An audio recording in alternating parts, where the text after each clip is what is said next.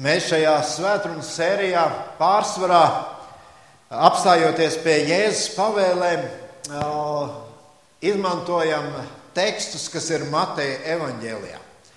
Šis ir viens no retajiem izņēmumiem, kad mēs esam atvēruši Jāņa evaņģēliju. Un ir interesanti, ka Mateja evaņģēlijs mums rāda Kristu kā ķēniņu, kā valdnieku, kā kungu. Tad Jāņa evanģēlijas mums Kristu parāda pavisam no citas puses. Jāņa evanģēlijas mums rāda Kristu kā glābēju, kā pestītāju. Parāda viņu, viņa galveno uzdevumu, kāpēc viņš ir nācis šajā pasaulē. ja jūs atceraties, tad Pirms divām nedēļām mēs kopīgi domājām par to, ko nozīmē būt nomodā.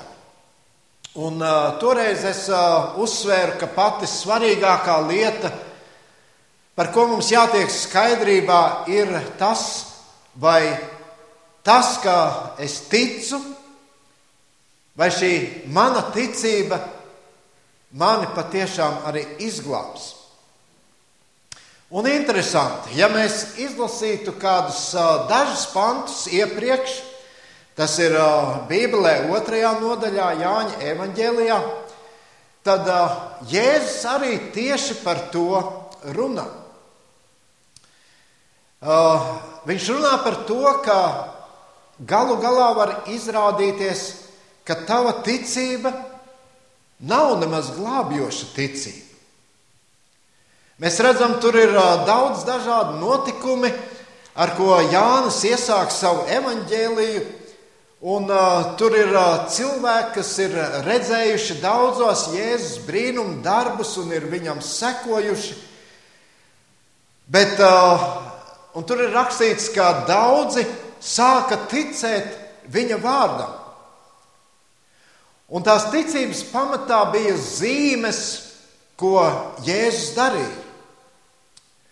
Un tad pēdējais vai priekšpēdējais pants saka tā, ka Jēzus viņiem neusticējās. Tāpēc, ka viņš visus pazina. Es gribu, lai jūs zinātu, ka oriģinālā uh, nav tāda sadalījuma pa nodaļām un pantiem, kā mēs lasām mūsu Bībelē. Tas ir mūsu ērtībai, lai mēs vieglāk varētu atrast, bet oriģinālā šāda sadalījuma nav. Un iedomājieties, ka mēs esam lasījuši, daudzi sāk ticēt viņa vārdam, redzēdami tās zīmes, ko viņš ir darījis. Jēzus viņiem neusticējās, tāpēc, ka viņš šos ļaudis pazina. Un tad turpinās šis notikums ar Nikodēmu. Tikko Jēzus ir runājis par ticību, kas nav glābjoša, un te ir pavisam konkrēts piemērs šādai ticībai. Es domāju, ka lielākajai daļai no mums šis notikums ar Nikodēmu ir pazīstams. Mēs zinām daudz detaļas šajā notikumā, varbūt kādus pantus mēs varam pat no galvas noskaidrot. Un, ja mēs būtu turpinājuši lasīt vēl kādu pantu uz priekšu, tad 16. pantu jau nu noteikti mēs lielākā daļa zinām, vai ne? Bet uh, lieta tāda, ka šī jēzus pavēle, ko mēs šodien pārdomāsim, tā ir ļoti, ļoti svarīga priekš katra no mums. Un, mīļie, te nelīdzēs nekāda aizbildināšanās, jo pareizi nesaprotot, Ko nozīmē šie vārdi? Tev jāpiedzimst no augšienes, vai jaunajā Bībeles tūkojumā, tev jāpiedzimst no jauna. Ja mēs to pareizi nesaprotam, vai ja mēs vispār ignorējam šo Jēzus pavēlu, tad tas pārsteigums būs tas, ka mūsu ticība mūs var aizvest vienkārši mūžīgā pazušanā. Un tāpēc šis ir tāds atslēgas jautājums. Vai tu esi glābts, vai tu esi pazudis? Tāds tas bija toreiz, kad Jēzus dzīvoja. Un tā to ir ļoti svarīgi saprast arī šodien katram no mums. Un man liekas, tieši tāpēc evanģēlists Jānis par to runā pašā evanģēlijas sākumā. Atcerieties, Jānis mums atklāja Jēzu kā glābēju. Bet pirms tam ir šis notikums templī. Jēzus ir veicis tur to, ko neviens nav uzdrošinājies. Jēzus ir runājis par ticību, kuru neglābs. Un tad Jēzus runā par šo svarīgo jautājumu par jaunpiedzimšanu, par piedzimšanu no augšienes. Vispār jau Jēzus ierašanās Jeruzalemē kļuva par ļoti svarīgu notikumu. Un liekas, tā laika cilvēki, kas tur vismaz tūmā dzīvoja, vai Jeruzalemē dzīvoja, vai bija atnākuši no citurienes uz templi, kā tas jūdiem bija pien, pienā, pienākās, pienācās darīt, šiem cilvēkiem nebija vienkārši iespējams ignorēt to, kas tur notika. Tas bija tāds īsts, īsts apvērsums, īsta revolūcija. Templi. Vieta, kurš, kura bija visas sabiedriskās dzīves un reliģiskās dzīves centrs.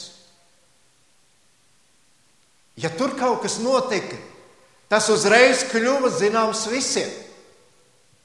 Ja arī tu tur nebija klāt, tad tu no citiem to uzzināji.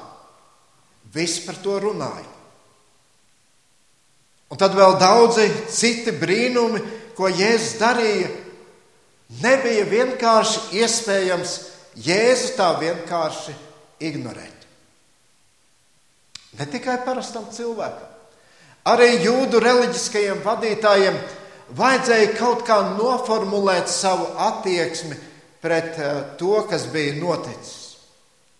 Un mēs zinām, tur bija šie reliģiskie vadītāji, kuri ļoti naidīgi uztvēra visu, ko Jēzus darīja. Ļoti naidīgi uz, tie, uz to visu reaģēja. Jā, viņi gāja, viņi klausījās Jēzu, viņi mēģināja pieķerties katram Jēzus vārdam, ko viņš sacīja, katrai lietai, ko viņš darīja. Bet tur bija arī tādi starp šiem jūdu reliģiskajiem vadītājiem, kas vērojot to, ko Jēzus darīja, tomēr ticēja, ka Jēzus ir Dieva sūtīts. Un starp šiem cilvēkiem bija arī Nikodēms. Bija kāds cilvēks starp farizējiem vārdā Nikodēms, viens no jūdu varas vīriem. Mēs lasījām pirmajā pantā. Un tālāk otrais pants saka, tas atnāca naktī pie Jēzus un viņam sacīja, Rabi, mēs zinām, ka tu esi skolotājs no Dieva nācis, jo tādas zīmes, kā tu dari, nevar darīt neviens, ja vien Dievs nav ar to. Nikodējums atnāca viens, bet viņš saka, mēs zinām. Tā tad tur vēl bija ļaudis, kas eh, varbūt savā starpā bija pārunājuši šo jautājumu, un tad Nikodējums bija tas, kas nāca pie Jēzus. Mēs nezinām, kāpēc Nikodējums atnāca naktī. Varbūt, varbūt viņš nebija gatavs publiski atzīt, ka viņa domas par Kristu atšķiras no citiem. Bet varbūt tas iemesls bija arī tāds, ka vienkārši citā laikā nemaz nebija iespējams pie Jēzus piekļūt un parunāt.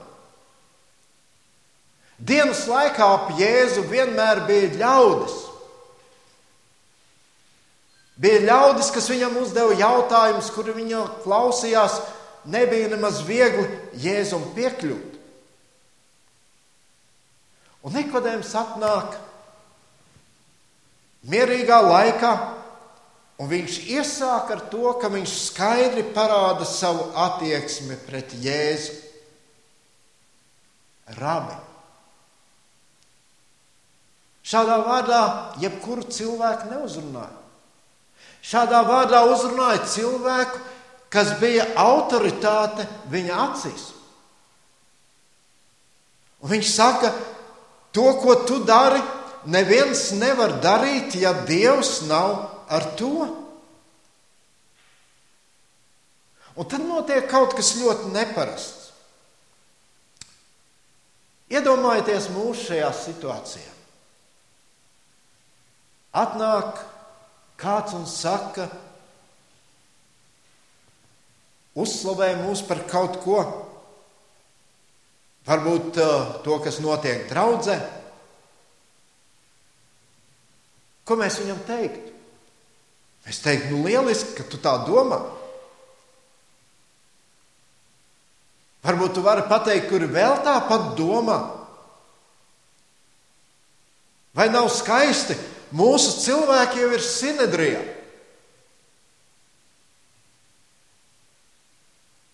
Vēl mazliet, un mēs būsim situācijas noteicēji. Bet Jēzus reakcija ir pavisam citāda. Jēzus atbildēja un viņam sacīja: Patiesi, patiesi es tev saku, ja kas nepiedzimst no jauna, ja kas nepiedzimst no augšienes, tas nespēja redzēt Dieva valstību. Un liekas, te kaut kā tās domas pārtrūkst. Jēzus sāk runāt pavisam par kaut ko citu. Jēzus pilnīgi ignorē to, ko Nikodējums ir sacījis. Un vispār, ja mēs lasām evanģēlijas, tad diezgan bieži mēs ar to sastopamies. Kad Jēzus sarunājas ar cilvēkiem, pēkšņi viņš maina sarunu gaitu. Ko tas nozīmē? Es domāju, Jēzus šeit ļoti vienkāršu lietu parāda. Viņš noliek malā emocijas. Viņš saka, ticība, kas ir balstīta tikai uz emocijām, tā nav īsta ticība. Redziet, Nikodējums arī ir iespaidots no brīnumiem, ko Jēzus darīja. Viņš droši vien ir iespaidots no tā apvērsuma, ko Jēzus veica templī. Viņš pats to saka. Bet Jēzus saka, pagaidi, tu ej nepareizā virzienā. Tas, ka tu atzīsti, ka es daru brīnumus, tas tevi neievedīs Dieva valstībā. Jēzus saka, tas ir iespējams tikai pie viena nosacījuma. Tev jāpiedzimst no augšiem.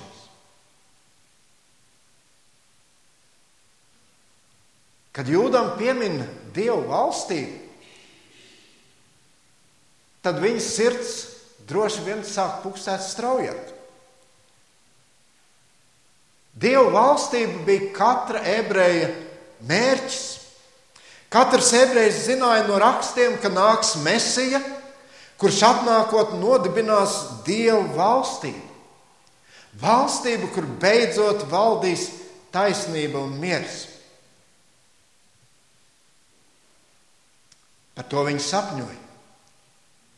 Un arī mēs, mīļie, turpinām sapņot par to, ka būs reiz laiks, kad nebūs cilvēki, kuri dara netaisnību, nebūs cilvēki, kuri apkrāj, apkrāp citus.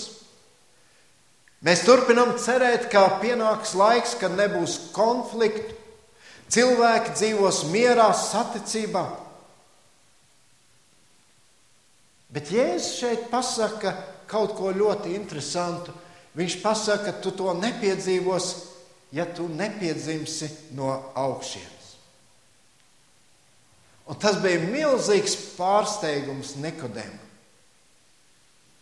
Viņš bija pārliecināts, ka ar to, ko viņš dara, viņš noteikti būs nopelnījis vietu Dieva valstībā. Es taču daru labas lietas. Es dienu dienā esmu templī. Es dieva likumu zinu tik labi. No galvas varu noskaidrot. Es ziedoju desmito tiesu.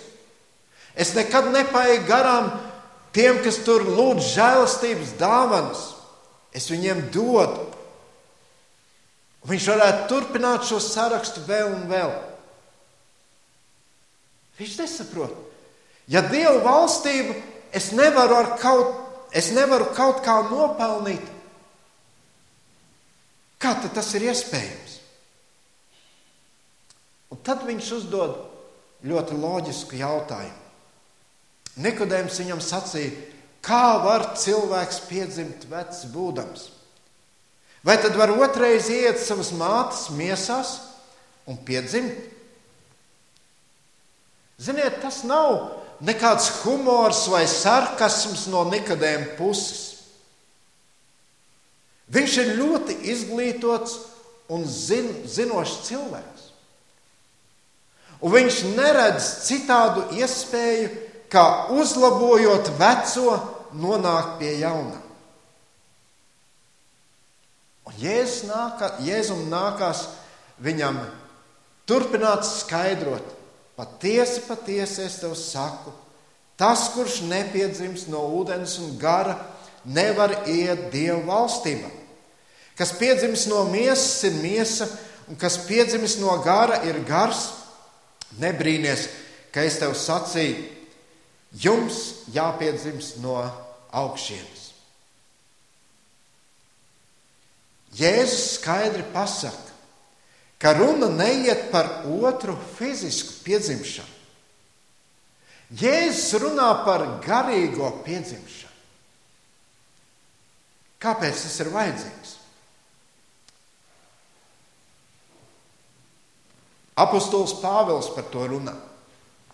Viņš saka Efeziešiem otrajā nodaļā, no 1 līdz 3 pantam, arī jūs bijāt miruši savos pārkāpumos un grēkos, kuros reiz dzīvojāt, piederēdami šīs pasaules laikmetam, pakļaudamies valdniekam, kas valda pār gaisa valstīm, par to garu, kas vēl tagad darbojas nepaklausības dēlos. Viņu vidū arī mēs reiz dzīvojam savas miesas iekārēs, rīkodamies pēc miesas iegribām un iedomām un pēc savas dabas bijām dusmības bērni, tāpat kā visi pārējie.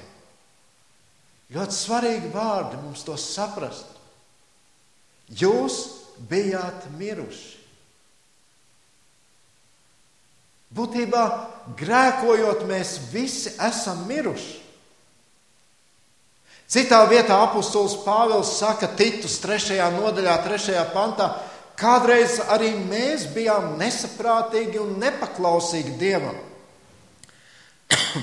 Maldījāmies, vergodami visdažādākām iekārēm un baudām, dzīvodami ļaunumā un skaudībā, būdami naida pilni un nicinādami pārējos cilvēkus.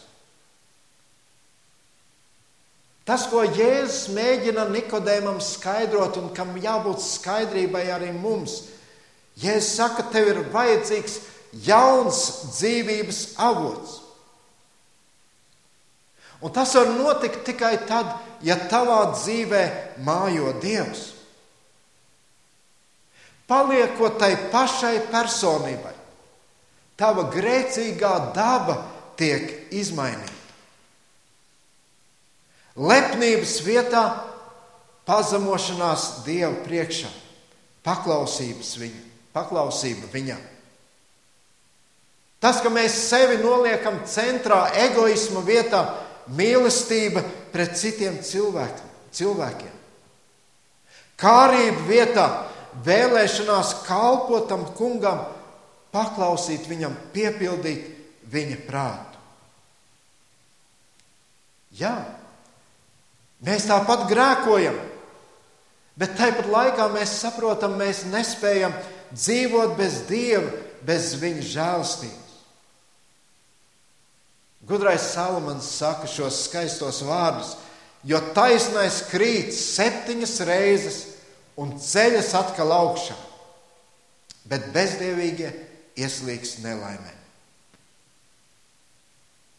Labi.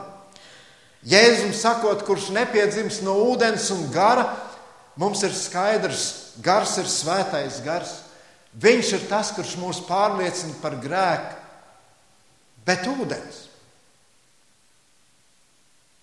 Daudz šo rakstu vietu skaidro dažādi.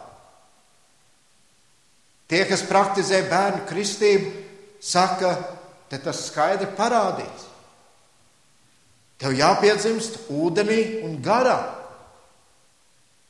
Bet es vēlos izlasīt kādus pantus no vecās derības, kurš mums atklāja to, ko Jēzus ir domājis, sakot šos vārdus. Un tā ir Ecehela grāmata, 36. nodaļa, no 25. līdz 27. pantam. Un tur pravietis saka, Viņš citē to, ko Dievs viņam ir atklājis. Es slacīšu jūs ar šķīstu ūdeni, lai to pat šķīsti no savas nešķīstības.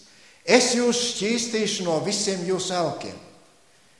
Es jums došu jaunu sirdi un jaunu garu. To es jums došu. Es izņemšu jums akmens sirdi un došu miesas sirdi, un es jums došu savu garu. Es došu savus likumus, un jūs tiem sekosiet, jūs ievērosiet un piepildīsiet manas tiesas. Tieši šo tekstu domāja Jēzus, kad viņš sarunājās ar Nikodēmu. Un tur vēlāk viņš saka, tu esi Izraels skolotājs, un tu to nezini. Arī jaunajā darbā mēs lasām Titus uh, Trešajā nodaļā mēs lasījām trešo pantu. Kādreiz arī mēs bijām nesaprātīgi, nepaklausīgi Dievam, maldījāmies, vergodami visdažādākām iekārēm un baudām, dzīvodami ļaunumā un skaudībā, būdami naida pilni un nicinādami pārējos cilvēkus.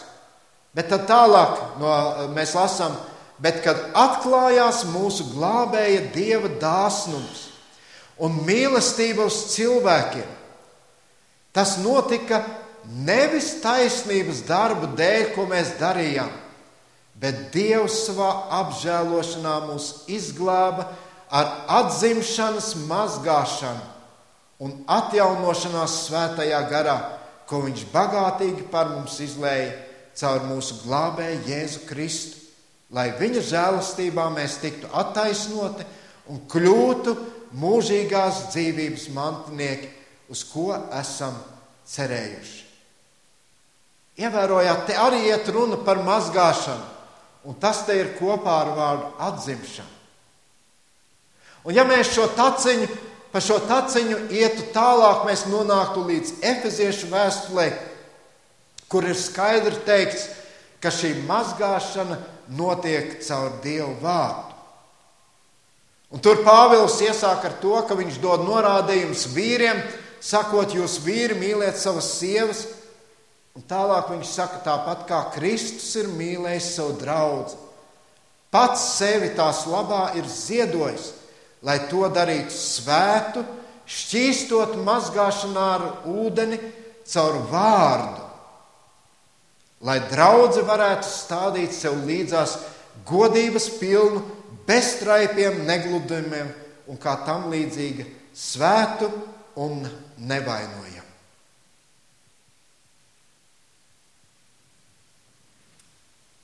Un tad ir mums pazīstamais stāsts Jāņa evanģēlijā, 4. nodaļā par samariešu sievu, kura ir pie jēkaba akas.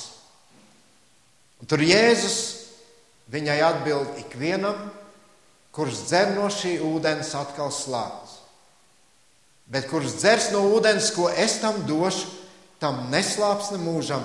Ūdens, ko es tam došu, kļūs viņā par ūdens avotu, kas verd mūžīgai dzīvībai. Kādu ūdeni Jēzus piedāvā? Savus vārdus. Un tas, ko Jēzus toreiz mēģināja skaidrot Nikodēmam, un ko ir tik ļoti svarīgi saprast arī mums, piedzimšana no augšienes vai piedzimšana no jauna notiek svētā gara iespējā.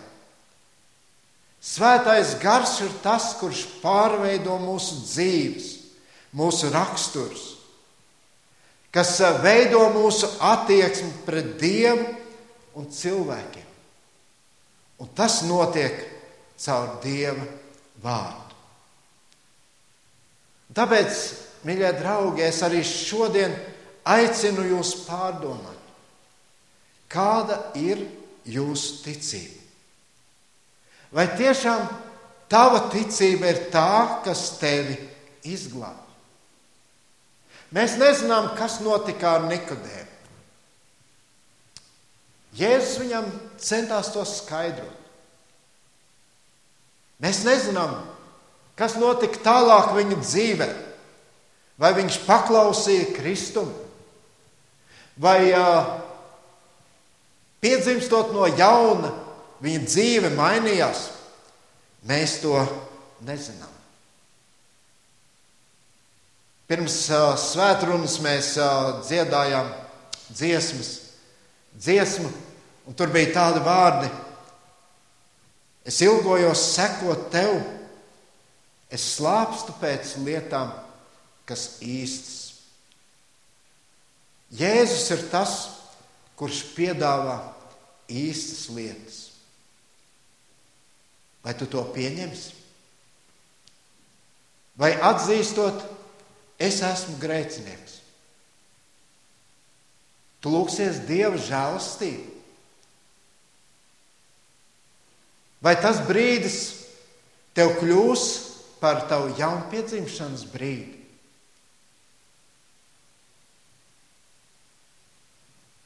Kur caur Dievu vārdu tevi uzrunājot, mācīs atkal un atkal, veidos tevi, mainīs kādas lietas tavā dzīvē. Vai tā ir tava ticība?